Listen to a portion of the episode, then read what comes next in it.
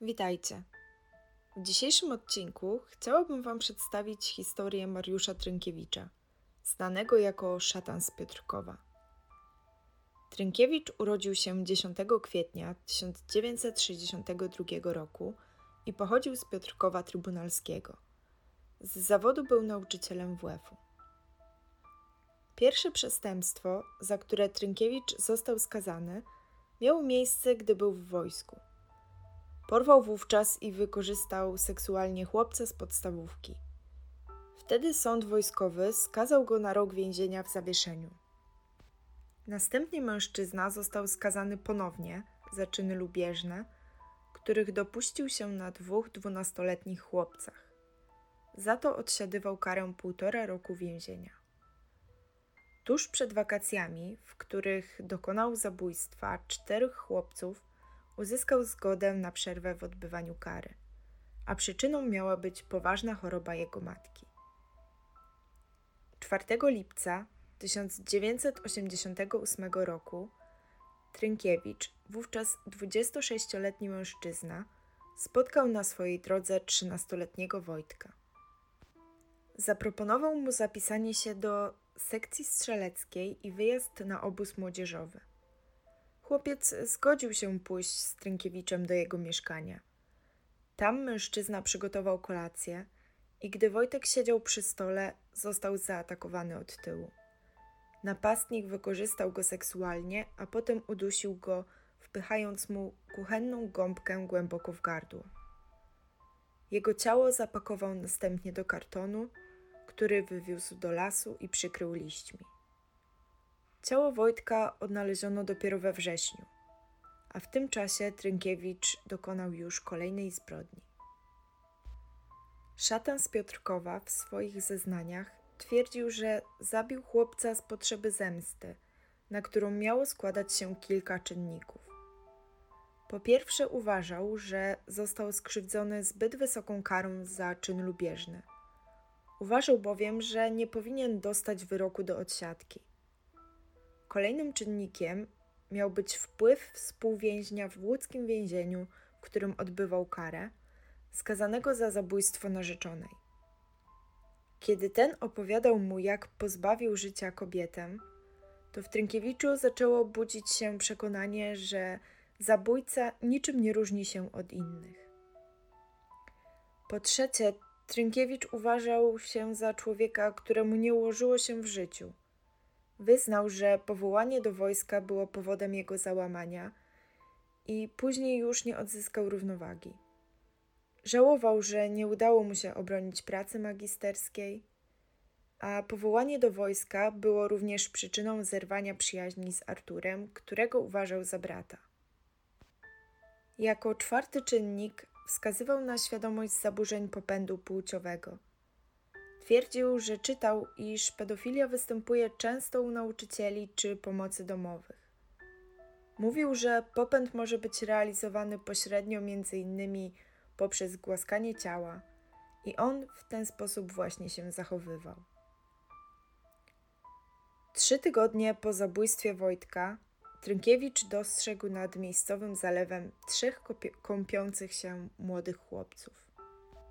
Jedenastoletniego Tomka oraz dwunastoletniego Artura i Krzysztofa. I już wtedy zrodziła się w nim ponownie chęć dokonania zabójstwa. Mężczyzna zaczął kusić chłopców, by poszli z nim do domu, a tam pokaże im akwarium, o którym wcześniej opowiadał. Wspomniał również o możliwości postrzelania z wiatrówki. Nieświadome niebezpieczeństwa dzieci zdecydowały się pójść razem z nim – Mieszkanie Trynkiewicza znajdowało się przy ulicy Działkowej w Piotrkowie Trybunalskim. Mężczyzna w zeznaniach opowiadał, że jeden z chłopców w pewnej chwili chciał wyjść.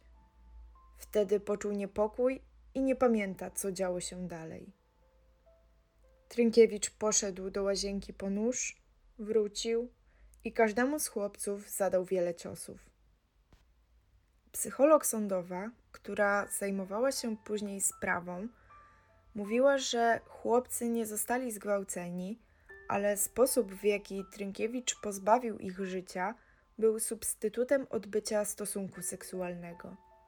Sposób zadawania ciosów oraz ruch noża wskazywały na to, że uderzenia naśladowały ruchy stosunku seksualnego i było to właśnie jakby zastępstwo jego odbycia.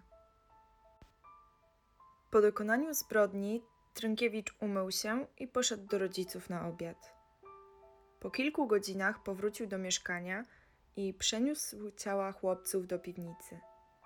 Schodził tam co jakiś czas i polewał je różnymi środkami do dezynfekcji, z obawy przed tym, że sąsiedzi poczują odór rozkładających się zwłok. Mężczyzna wysprzątał całe mieszkanie, próbował pozbyć się śladów krwi. Po kilku dniach przewiózł ciała chłopców do pobliskiego lasu. Następnie je podpalił, żeby zatrzeć ślady. Psycholog sądowa wskazała, że chłopcy mieli ściągnięte spodenki, więc najprawdopodobniej to było celowe, gdyż Trynkiewicz miał obserwować ich nagie ciała. Nadpalone zwłoki dzieci znalazł przypadkowo jeden z grzybiarzy.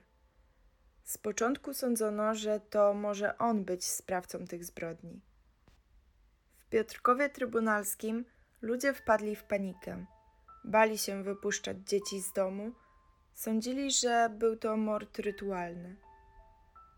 Gdy policja wykreśliła grzybiarza z kręgu podejrzanych i ustalono, że zabójstwo miało podłoże seksualne, zaczęto poszukiwać osób, które miały na swoim koncie zarzuty pedofilii.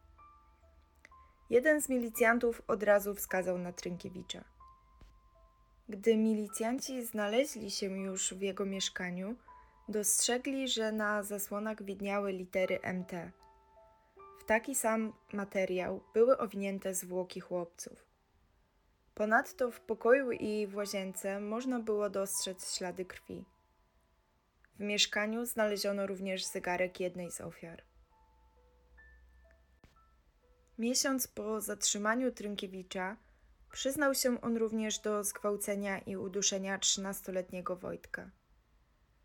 Przed procesem miejscowa społeczność w Piotrkowie Trybunalskim chciała go zlinczować. Na wizję lokalną do lasu przyszły tysiące ludzi. Milicja musiała ściągnąć do miasta posiłki. Wyklinano go, grożono mu śmiercią, a na sali sądowej jedna z matek rzuciła w niego butelką. Mężczyzna jednak przez cały proces był spokojny, opanowany i przyznawał się do wszystkiego. W wielu źródłach podkreśla się, że szatan z Piotrkowa nigdy nie użył słowa przepraszam i w żaden sposób nie okazał skruchy. Obejrzałam jego mowę końcową, którą wygłosił podczas procesu. Możecie ją również znaleźć w źródłach. Co prawda nie użył on słowa przepraszam, ale mówił, że bardzo żałuje tego, co zrobił, że wie, że źle się stało. Twierdził, że kiedyś był normalny, że kochał dzieci, że nie działał z premedytacją i to wina choroby, a swoją winę upatruje jedynie w tym, że nie podjął się leczenia i nie brał leków. Trynkiewicz przyznał również, że po wyjściu na wolność, jeżeli okoliczności by temu sprzyjały, jest prawdopodobieństwo, że znów mógłby zabijać. W jednej z rozmów z dziennikarzami mówił, że nie ma żadnego motywu tych zbrodni, że gdyby wiedział, dlaczego zabił, to już dawno by to wyjawił. Twierdził też, że kara śmierci będzie karą wyłącznie dla jego rodziny a on chciałby żyć i odbywać karę w zamknięciu, bo to będzie lepsze dla rodziców ofiar. Andrzej Matuszczyk, jeden z milicjantów, którzy jako pierwsi przesłuchiwali Trynkiewicza, w książce Prokurator, kobieta, która nie bała się morderców, którą Joanna Podgórska napisała z Małgorzatą Rąc, wskazywał, że Trynkiewicz był opętany jakąś chorą rządzą Miał seksualną obsesję. W jego mieszkaniu milicja odnalazła coś w rodzaju dzienniczka masturbacji, w którym notował, ile razy dziennie się onanizował i jaki stopień satysfakcji osiągał.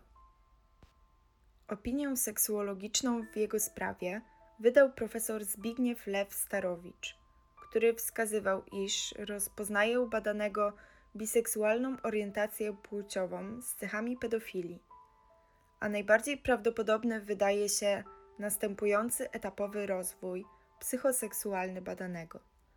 Nieśmiałość i kompleksy, trudności w kontaktach heteroseksualnych, nieudany związek heteroseksualny, zainteresowanie homoseksualizmem jako formą zastępczą i mniej zagrożeniową, rezygnacja z kontaktów homoseksualnych, a następnie rozwój pedofilii od łagodnych zachowań do końcowej formy mordu z lubieżności.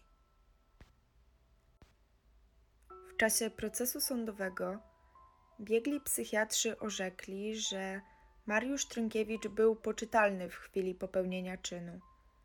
Jego zachowanie znamionował sadyzm oraz realizowanie popędu seksualnego w połączeniu z cechami algolagni. Algolagnia to zaburzenie seksualne polegające na osiąganiu satysfakcji poprzez zadawanie bólu sobie lub innej osobie. Ponadto stwierdzono, że ma on wysoki iloraz inteligencji. Jego IQ wynosiło 121. 29 września 1989 roku zapadł wyrok. Trynkiewicz został skazany na czterokrotną karę śmierci. Kiedy prowadzono go potem do celi w areszcie śledczym w Łodzi, na korytarzu rozległy się krzyki: Dajcie go do mnie pod celę, ja już go załatwię. Na mocy amnestii jednak kara ta została zmieniona na 25 lat więzienia. Trynkiewicz odbywał ją w zakładzie karnym w Strzelcach Opolskich, a od 2012 roku w zakładzie karnym w Rzeszowie Zalężu. W więzieniu Trynkiewicz złożył wniosek o zmianę nazwiska na Komornicki. Było to nazwisko rodowe jego matki. Ale Urząd Stanu Cywilnego w Piotrkowie Trybunalskim, Sąd Okręgowy w Opolu oraz wojewoda nie przychylili się do wniosku. W 2011 roku Wydział Penitencjarny Sądu Okręgowego w Opolu zarządził poddanie Trękiewicza przymusowej terapii zaburzeń preferencji seksualnych, które odbyło się w Rzeszowie. 11 lutego 2014 roku szatan z Piotrkowa wyszedł na wolność, ale już 3 marca 2014 roku sąd na podstawie tzw. Tak ustawy o bestiach uznał Trynkiewicza za osobę stwarzającą zagrożenie – i nakazał jego izolację w zamkniętym ośrodku w Gostyninie. W 2014 roku, kiedy zbliżał się koniec odbywania jego kary, w mediach zrobiło się bardzo głośno o jego sprawie. W ludziach zrodził się strach, że taki człowiek będzie na wolności. W szczególności w społeczności z Piotrkowa Trybunalskiego. Na Facebooku powstała nawet grupa pod nazwą Dożywocie dla Trynkiewicza – do której miało należeć nawet 5 tysięcy osób.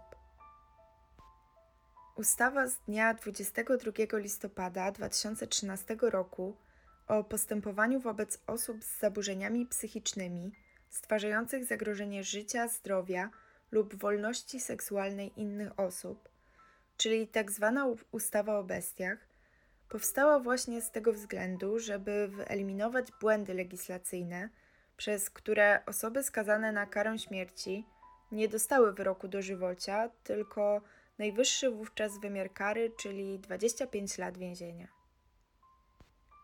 Zgodnie z ustawą ma ona zastosowanie do osób, u których wystąpią łącznie trzy przesłanki, czyli osoba odbywa prawomocnie orzeczoną karę pozbawienia wolności lub karę 25 lat pozbawienia wolności wykonywaną w systemie terapeutycznym. W trakcie postępowania wykonawczego występowały u niej zaburzenia psychiczne w postaci upośledzenia umysłowego, zaburzenia osobowości lub zaburzeń preferencji seksualnych oraz stwierdzone u niej zaburzenia psychiczne mają taki charakter lub takie nasilenie, że zachodzi wysokie prawdopodobieństwo popełnienia czynu zabronionego z użyciem przemocy lub groźbą jej użycia przeciwko życiu, zdrowiu lub wolności seksualnej. Ustawa o bestiach została podpisana przez wówczas obecnego prezydenta Bronisława Komorowskiego, ale zgodnie z wcześniejszą jego zapowiedzią skierował wniosek do Trybunału Konstytucyjnego o zbadanie zgodności z ustawą zasadniczą niektórych jej artykułów. Dotyczą one m.in. możliwości orzeczenia przez sąd izolacji w zamkniętym ośrodku oraz powoływania biegłych i znaczenia ich opinii w postępowaniu przed sądem. Z kolei Rzecznik Praw Obywatelskich w swoim wniosku do Trybunału Konstytucyjnego zarzuciła ustawie m.in. niedookreśloność zapisów oraz to, że nie realizuje deklarowanego celu. Jej zdaniem przepisy naruszyły m.in. zasady demokratycznego państwa prawnego poprzez nieproporcjonalne, głębokie wkroczenie w prawa i wolności obywatelskie, a także naruszenie zasady zaufania do państwa jego prawa oraz zasady poprawnej legislacji. Obrońcy praw człowieka i prawnicy podkreślali, że trzymanie w izolacji osób, które już odbyły zasądzoną karę, jest bardzo problematyczne, gdyż podwójne karanie za to samo nie mieści się w normach prawnych i etycznych.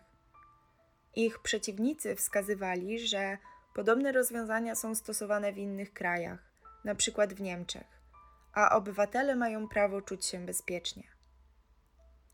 Trybunał Konstytucyjny w 2016 roku uznał, że ustawa o bestiach jest zgodna z konstytucją, uzasadniając to m.in. prawem społeczeństwa do samoobrony.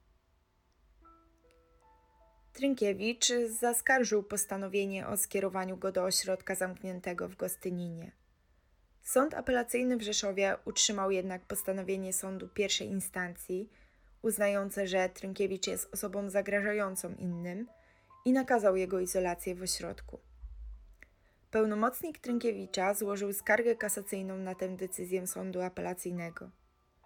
Sąd Najwyższy odrzucił skargę kasacyjną i uzasadnił to tym, że wątpliwości, które zgłosił Trynkiewicz, rozstrzygnął w listopadzie w 2016 roku Trybunał Konstytucyjny, uznając, że tzw. Tak ustawa o bestiach jest zgodna z konstytucją.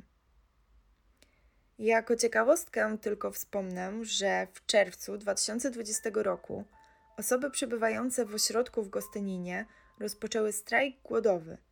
Domagają się oni m.in. odwołania dyrektora, żeby nie zakuwano ich w kajdanki, pozwolono palić oraz aby zdjęto kamery w toaletach.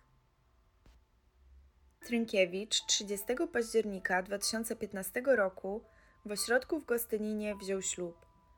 Kobieta nie ujawniła do dziś swoich danych personalnych, ale udzieliła wywiadu znanej dziennikarce śledczej, Justynie Kopińskiej, którym zmieniono jej imię na Anna i ja również posłużę się tym imieniem. Szatan z Piotrkowa, przebywając w Gostyninie, otrzymywał wiele listów od kobiet, które twierdziły, że są w nim zakochane. Swoją obecną partnerkę poznał dzięki pani socjolog, która badała przestępców skazanych na karę śmierci. Socjolog przyjaźniła się z Anną i prawdopodobnie sama była zauroczona w przestępcy. Mówiła, że jest on delikatny, inteligentny i ma przenikliwe, erotyczne spojrzenie. Miłość Anny i Trynkiewicza rozpoczęła się od pisania listów w 2010 roku. Mężczyzna pisał dla niej także wiersze. A oto jeden z nich. Ktoś rozrzucił chmury nad parapetem horyzontu i uwiązał je w niewidzialnej sieci, ponad zielenią próśb. Odganiam je zaklęciem. Otwieram słoiki ze słońcem i wołam Ciebie poprzez niebo. Poza poezją Trynkiewicz, jak sam wielokrotnie powtarzał, uwielbia rysować. Tworzył również własne obrazy. Anna podobno nigdy nie miała żadnych obaw odnośnie tego, że wiąże się z zabójcą. Zadziwiające jest to, że sama ma nastoletnią córkę. Dziewczynka na początku ich znajomości zadała kobiecie pytanie: Mamusiu, czy ty na pewno wiesz, kto to jest Mariusz Trynkiewicz? Kobieta wierzy, że Trynkiewicz się zmienił i po wyjściu na wolność nie zrobi już nikomu krzywdy. Ma nadzieję, że wkrótce opuści on ośrodek w Gostyninie, a wtedy założy z nim pełną rodzinę. Przerażające jest to, że kobieta w rozmowie z dziennikarką próbowała przerzucić winę na ofiary za to, co się stało. A na podróż poślubną chciałaby jechać z mężczyzną do lasu, w którym odnaleziono ciała chłopców, bo miejsce to kojarzy jej się z dzieciństwem Trynkiewicza, a nie z mordem, którego dokonał. Żona Trynkiewicza to wykształcona kobieta po trzydziestce, pracująca w korporacji, która nigdy nie miała konfliktów z prawem. W przeszłości sama była ofiarą gwałtu, którego dokonało trzech mężczyzn powiązanych z mafią. Chciałabym Wam przytoczyć dwa fragmenty wypowiedzi pani Trynkiewicz. Mariusz tych chłopców nie ciągnął na siłę do mieszkania. W pierwszym odruchu mogli się zgodzić, ale później przeszli długi odcinek drogi. Mieli czas, aby ochłonąć, zastanowić się i uciec. Nie zrobili tego. To była ich decyzja, że nie żyją. I kolejny. On już więcej nie będzie dotykał chłopców, bo ma mnie.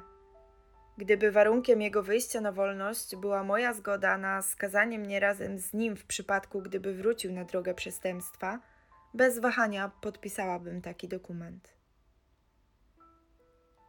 Jeżeli chcecie dowiedzieć się więcej o relacjach Trynkiewicza i jego żony, odsyłam do reportażu Justyny Kopińskiej w książce Polska odwraca oczy.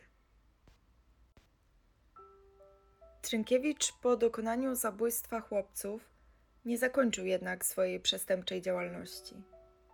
W lipcu 2015 roku został skazany przez sąd rejonowy w Gostyninie za posiadanie dziecięcej pornografii. Wyrok podtrzymał później w mocy sąd okręgowy w Płocku. Postawiono mu trzy zarzuty, do których się przyznał. Pierwszy dotyczył sprowadzenia w latach 2006-2014 od nieustalonej osoby oraz posiadania zdjęć i filmów pornograficznych z udziałem małoletnich. Trynkiewicz miał je w zakładzie karnym w Strzelcach Opolskich oraz w domu w Piotrkowie Trybunalskim. Oskarżono go również o to, że w latach 2008-2014 w tym samym zakładzie karnym posiadał 18 plików zawierających treści pornograficzne przedstawiające przetworzony wizerunek małoletniego uczestniczącego w czynnościach seksualnych. Chodzi m.in. o przyklejanie twarzy dzieci na obrazy ciał osób dorosłych. Trzeci zarzut dotyczył posiadania 10 nielegalnych programów komputerowych, głównie gier. Sąd zawiesił wykonanie tej kary do czasu zakończenia jego pobytu w Gostyninie. W kwietniu 2019 roku rozpoczął się kolejny proces, w którym Trynkiewicz został oskarżony o posiadanie dziecięcej pornografii.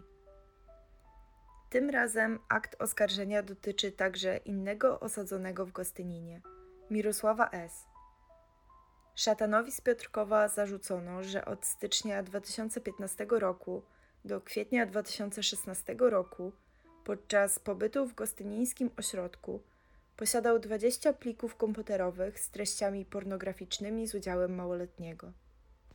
Mirosław S. również miał posiadać taki plik. Ta sprawa toczy się przed sądem rejonowym w Gostyninie, a proces jest niejawny. O Trynkiewiczu powstała nawet książka pod tytułem Łowca Sprawa Trynkiewicza, której autorką jest Ewa Żarska. Ponadto trwają prace nad nakręceniem filmu fabularnego o zbrodniach, które popełnił. Reżyser i scenarzysta to Adam Guziński.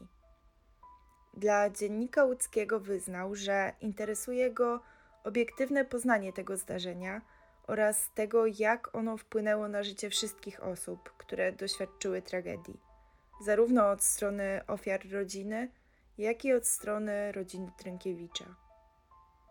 Jeżeli produkcja tego filmu dojdzie do skutku, to z chęcią wybiorę się do kina. To wszystko na dziś. O tematyce kolejnego odcinka również będziecie mogli zdecydować na Instagramie Prawo Zbrodni w ankiecie. Do usłyszenia.